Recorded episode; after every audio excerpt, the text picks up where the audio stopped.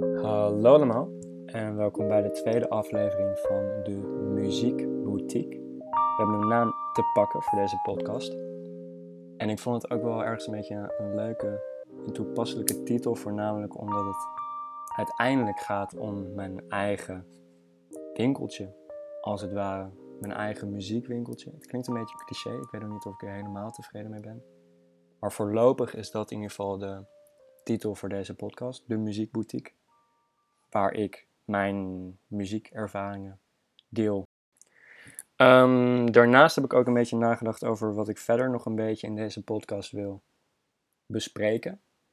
En ik ben erop uitgekomen dat het me wel gaaf lijkt om mijn studie, mijn geschiedenisstudie, een beetje te combineren met muziek. Dus alles wat ik een beetje meekrijg in de vakken um, van mijn geschiedenisstudie, om die te koppelen aan wat er als gevolg daarvan in de muziek wereld gebeurd is. Uh, om een voorbeeldje te noemen, om een beetje een beeld te krijgen. In de jaren 60 waren er op meerdere plekken in het Westen revoluties. Er was uh, een hoop ontevredenheid over de, de werkomstandigheden, over. Nou heel veel onvrede was in ieder geval. Dus mensen gingen de straat op en die wilden daar verandering in brengen, die gingen er tegenin.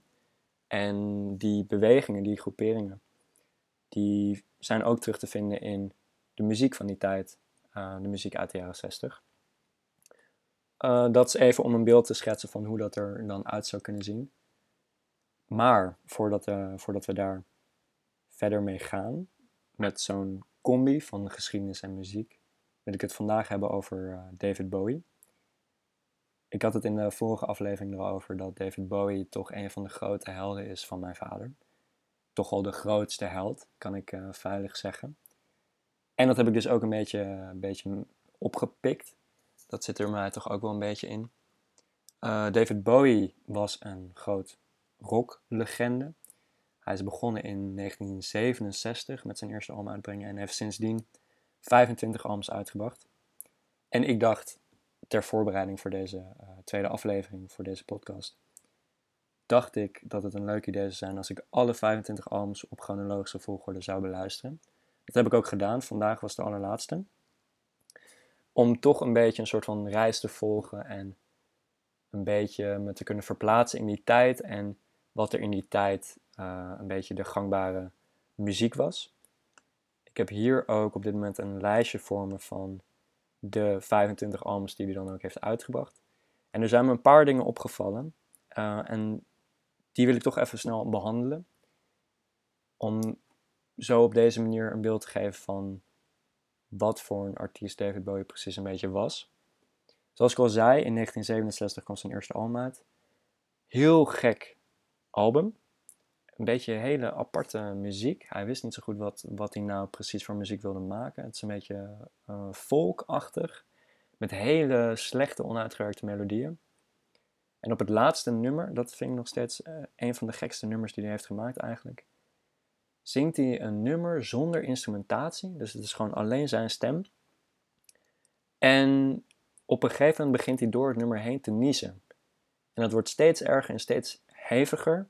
En op de achtergrond is ondertussen ook nog iets van geruis aan de gang en iets van regendruppels die vallen. Um, en het gaat over iemand die een graf aan het graven is en daar dan over zingt. Zoiets is het volgens mij van wat ik heb meegekregen. En dat is heel gek qua eh, muzikale uiting of zo. Om er geen instrumentatie te doen en dan door het nummer heen te gaan niezen. Ik vond het heel gek. Ik ging er heel erg stuk om. Ik kan er nog steeds heel erg om lachen. Maar het is verre van goed. Twee jaar later komt zijn tweede album uit. Ook een beetje in de volkrichting. En dan om er iets sneller door, doorheen te gaan. Daarna komt iets van hardrock voorbij. Komt in de, in de uh, glamrock terecht met uh, hele uitgesproken kostuums. Eh, en heeft een beetje zijn draai gevonden. Dat ontwikkelt zich ook weer een beetje richting soul en funk. En later worden er de composities al iets uh, uitgebreider, iets ehm, complexer ook. Dan komt hij uiteindelijk in Berlijn terecht vanwege zijn, zijn drugsverslaving. In 1976 was hij hevig aan drugs, voornamelijk cocaïne. En overleefde hij ook voornamelijk op een dieet van melk, uh, peper en cocaïne. dat was gewoon zijn, zijn manier om voedingsstoffen binnen te krijgen, voor zover je dat voedingsstoffen kan noemen. Uh, dus hij zag er ook heel erg mager uit, was er niet echt goed aan toe. En daar wilde hij vanaf, daardoor ging hij naar Berlijn toe. Daar heeft hij drie albums uitgebracht die de Berlijn-trilogie heten. Die albums zijn dus ook alle drie in Berlijn opgenomen. Daarna komt hij terecht in een new wave fase die heel erg lijkt op Talking Heads. Um, nodigt hij op een gegeven moment Now Rogers van Chic uit van het nummer Le Free Chic. Um, om het album te produceren wat hij daarna gaat maken. En dat uh, merk je heel erg in de, de, dansbare gitaartjes, die ook wel typerend zijn voor chic. De hele opzwepende, funky manier van spelen. Daarna heeft hij even een periode waar, waar hij het even niet meer zo goed weet en heel erg meedijnt op zijn eigen succes. En daar heel erg in blijft in de um, beetje over de top popkant.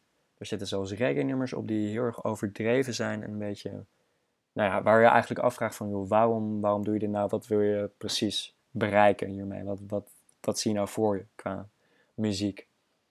Uh, daar krabbelt hij weer een beetje uit. In de jaren 90 zitten we dan.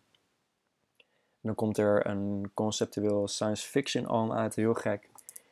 Uh, wel een goed album, vond ik zelf persoonlijk. Daarna komt er een drum and bass album uit, David Bowie Goes uh, Drum and Bass. Had ik ook niet verwacht. Heel gaaf album, toch wel echt uh, behoorlijk in de top van wat David Bowie heeft gemaakt.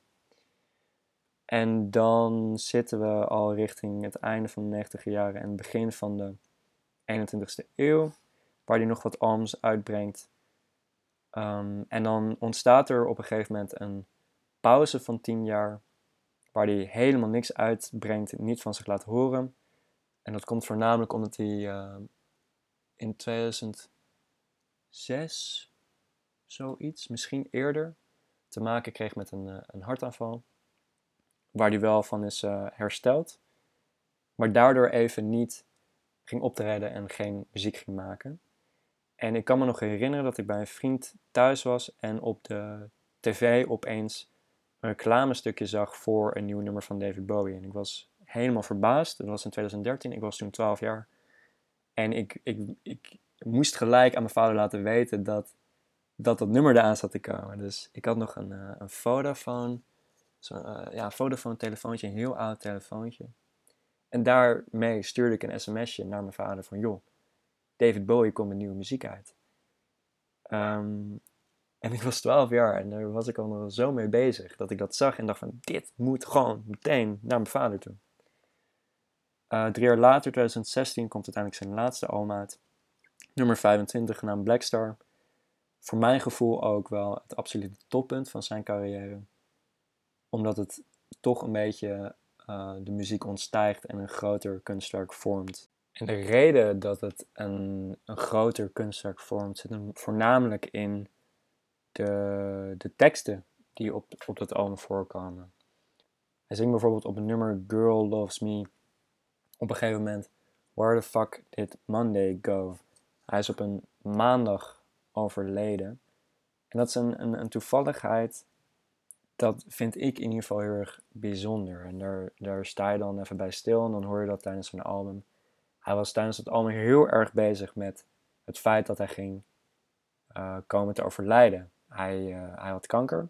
En het hele album is eigenlijk doordrenkt met het feit dat hij daar uh, zich van bewust van is. En dat komt dus ook heel erg terug in die teksten in de vorm van Where the fuck did money go, maar ook het nummer Lazarus gaat heel erg specifiek over um, komen te overlijden, naar, naar de, de hemel gaan en uh, eindelijk een soort van bevrijd zijn. En die realisatie van het feit dat hij zou komen te overlijden en dat verwerken in zijn laatste album en dan twee dagen later na het uitbrengen van zijn album komen te overlijden.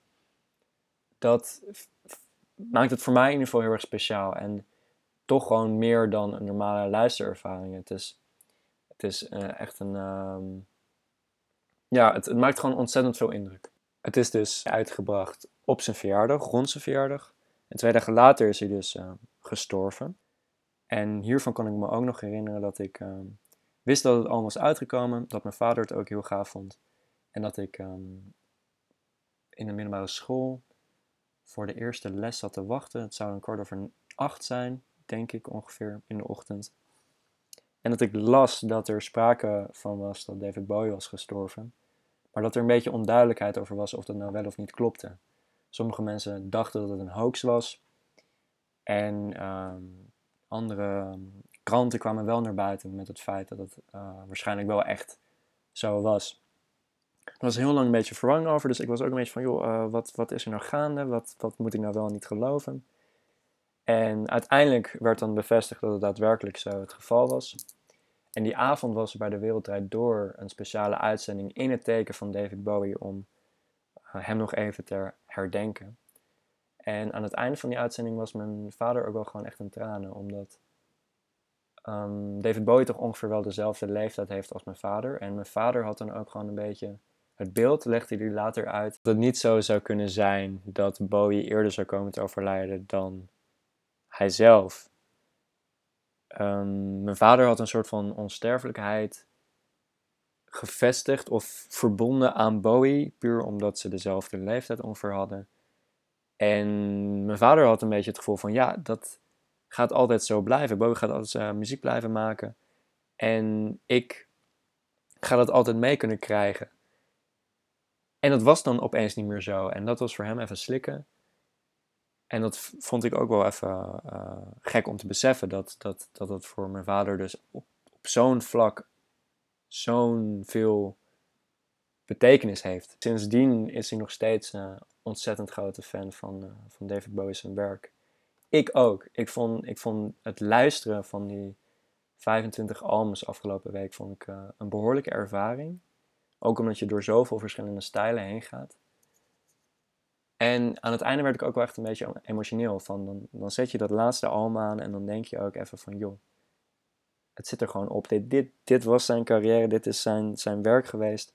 Dit is wat hij heeft betekend voor de muzikale wereld. Maar daarbuiten heeft David Bowie ook nog zoveel meer betekend.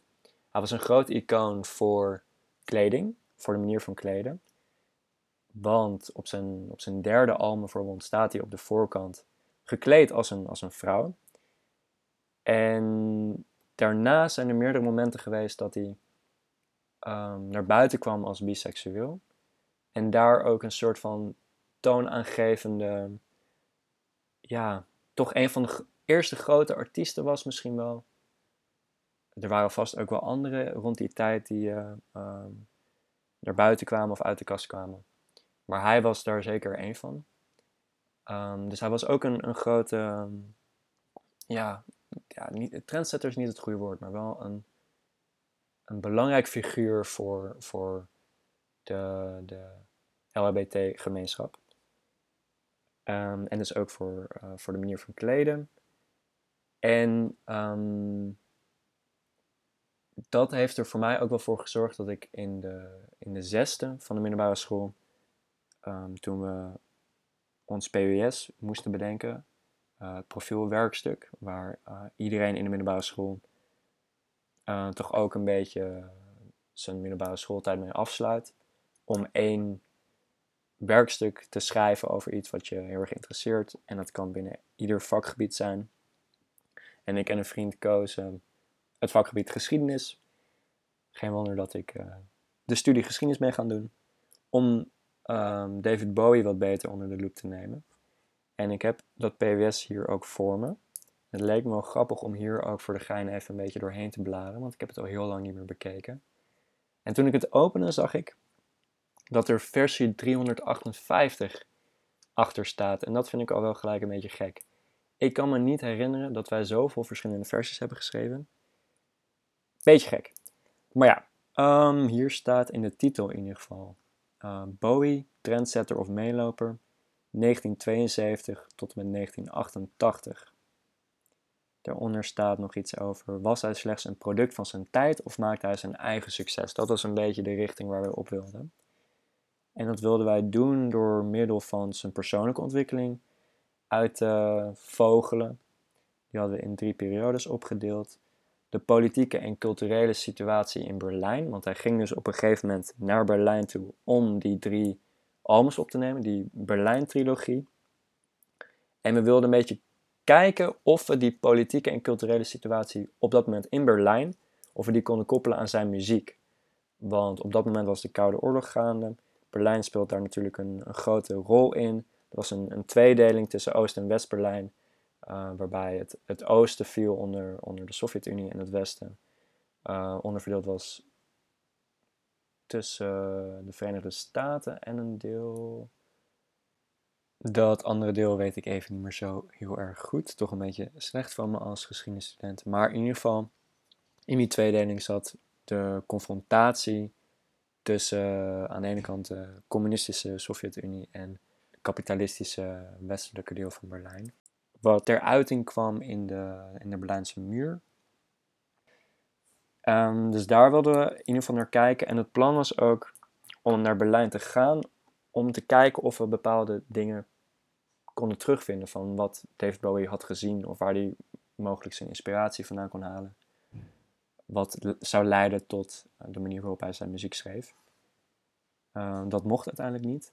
Dat vonden wij uh, uiteindelijk wel heel erg jammer, omdat dat toch een beetje ons, uh, ons idee was om naar Berlijn te gaan en daar dan een soort van documentaire te maken. We wilden een soort van videodeel erin verwerken. Maar daar deed de, de schoolleiding een beetje moeilijk over. Ze vonden het onlogisch dat we daarvoor vrij zouden krijgen. En in de vakantie hadden wij zelf allebei geen tijd. Dus daar kon het in ieder geval ook niet in. Dus we gingen niet naar Berlijn. Ontzettend zonde.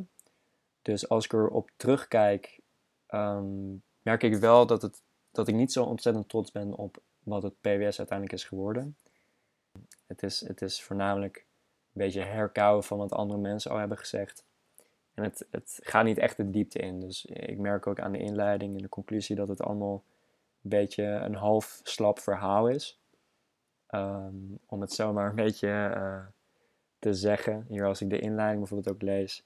Dit ging volgens mij over, uh, over uh, de, de vriend van mij waarmee ik het waarmee ik dit PWS deed. Die, die moest de inleiding schrijven. Verder geen haat naar, naar degene die dit heeft geschreven. Maar daar schrijft hij. En ik, ik ben, als ik erop terugkijk, niet zo'n groot fan van. Maar dat, dat is ook allemaal oké. Het, was ook gewoon deels een beetje omstandigheden. We hebben er niet ontzettend veel tijd in gestoken. En dan ook dat we niet naar Berlijn konden, speelde allemaal een beetje mee. Maar als ik nu naar de, naar de inleiding kijk, dan schrijft hij... Ik ben vier jaar oud, een klein jongetje in een kleine auto op weg van een kleine stad naar een iets wat grotere stad. Nou, wat een geniale zin is dat. Nee, grapje, grapje. Ik, ik, ik kijk er ook wel een beetje uh, op een komische manier op terug, omdat het toch gewoon ja, het, het, was ook een beetje uitvogelen hoe je zo'n zo'n werkstuk handig kon schrijven. Uh, daar ben ik nu wel iets handiger in geworden door mijn studie. Als ik ook kijk naar hoeveel bronnen we hebben gebruikt, hebben we echt ontzettend weinig, weinig bronnen gebruikt. Ik denk dat we nu net zoveel bronnen gebruiken in een mini-essay met, met onze studie. En dat, uh, zoveel bronnen heb ik nu ook met, met het PWS gebruikt, dat toch wel uh, 20, 30 kantjes is. Hij schrijft verder, ik zit op de achterbank in een maxi-cozy stoel de achterbank van de auto zit vol met tassen, eten en andere dingen. Voor mij zit mijn, voor mij zit mijn moeder achter het stuur, zoals altijd tien dingen tegelijk jongelerend. Zo is het leven van de moeder. We zijn op weg naar Maastricht, naar mijn opa en oma. Ik heb ze al een tijdje niet meer gezien en ben daarom redelijk enthousiast. Iets wat mij altijd erg actief maakt. Een springerige kleuter achter je bevordert niet per se de concentratie. Zeker niet tijdens het besturen van een auto waar goed opletten wel handig is. Tot op dat punt had mijn moeder me stil kunnen krijgen door gewoon wat te eten of een speeltje in mijn richting te duwen. Maar het eten is op en al het speelgoed ligt naast me, waar ik, waar ik het naar gebruik heb gegooid. Nou, heel verhaal. En het is allemaal niet relevant. Het is echt één groot lulverhaal eigenlijk. En we weten nog steeds niet waar het over gaat. En dat, typeert wel een beetje over hoe ons PWS is verlopen. Het idee achter, de, achter PWS was voornamelijk ook een beetje de periode voor de Berlijnjaren te pakken. De Berlijnjaren zelf. En dan de invloed die die Berlijnjaren zouden hebben op de jaren daarna. Om een beetje een soort van vergelijking te kunnen maken tussen voor en na. Om dat uh, helder te belichten. En verder zit er eigenlijk niet zo heel veel interessants in. We hebben ook maar een 7 gekregen uiteindelijk voor ons, uh, ons PWS. Um, ehm, en tijdens de presentatie was het ook nog een beetje allemaal onhandig, want we hadden het idee om de ontwikkeling in genres heel erg uh, naar voren te halen in onze presentatie door meerdere muziekfragmenten te laten horen.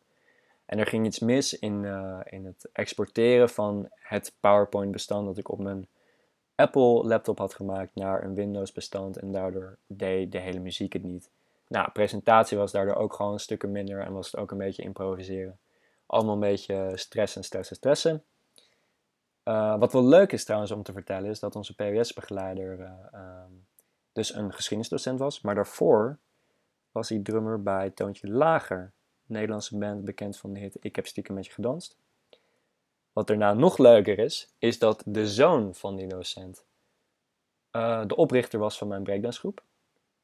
Wat stapje drie is, is dat mijn moeder ook les geeft op dezelfde school en dus een collega was van de ex-drummer van Toontje Lager. Nou, hey, dat vind ik wel een leuke connectie, om dat toch zo even te benoemen. Maar dat is een beetje waar, waar ons, uh, ons PWS over ging. En um, waar, we, waar, waar mijn interesse in ieder geval op dat moment uh, zich aanwakkerde voor wat ik later wilde gaan doen. En waar ik dus ook terecht ben gekomen met mijn studie in Utrecht met uh, geschiedenis. En dat, uh, dat was hem. Heel erg bedankt voor het luisteren. De volgende keer denk ik dat ik iets meer, nou nog, nog steeds een beetje eigenlijk in de geschiedenisrichting ga blijven. Want dit was toch ook wel een beetje een uiting van, van de politieke situatie in Berlijn tijdens de Koude Oorlog. Dus er zit toch ook al wel een, een helder geschiedenispuntje in. Maar ik wil in ieder geval wel het persoonlijke tintje er ook uh, wel in blijven houden. Dus in dit geval heb ik mijn PWS eraan verbonden. Zo wil ik uh, dat er wel een beetje in blijven houden. Tot de volgende keer.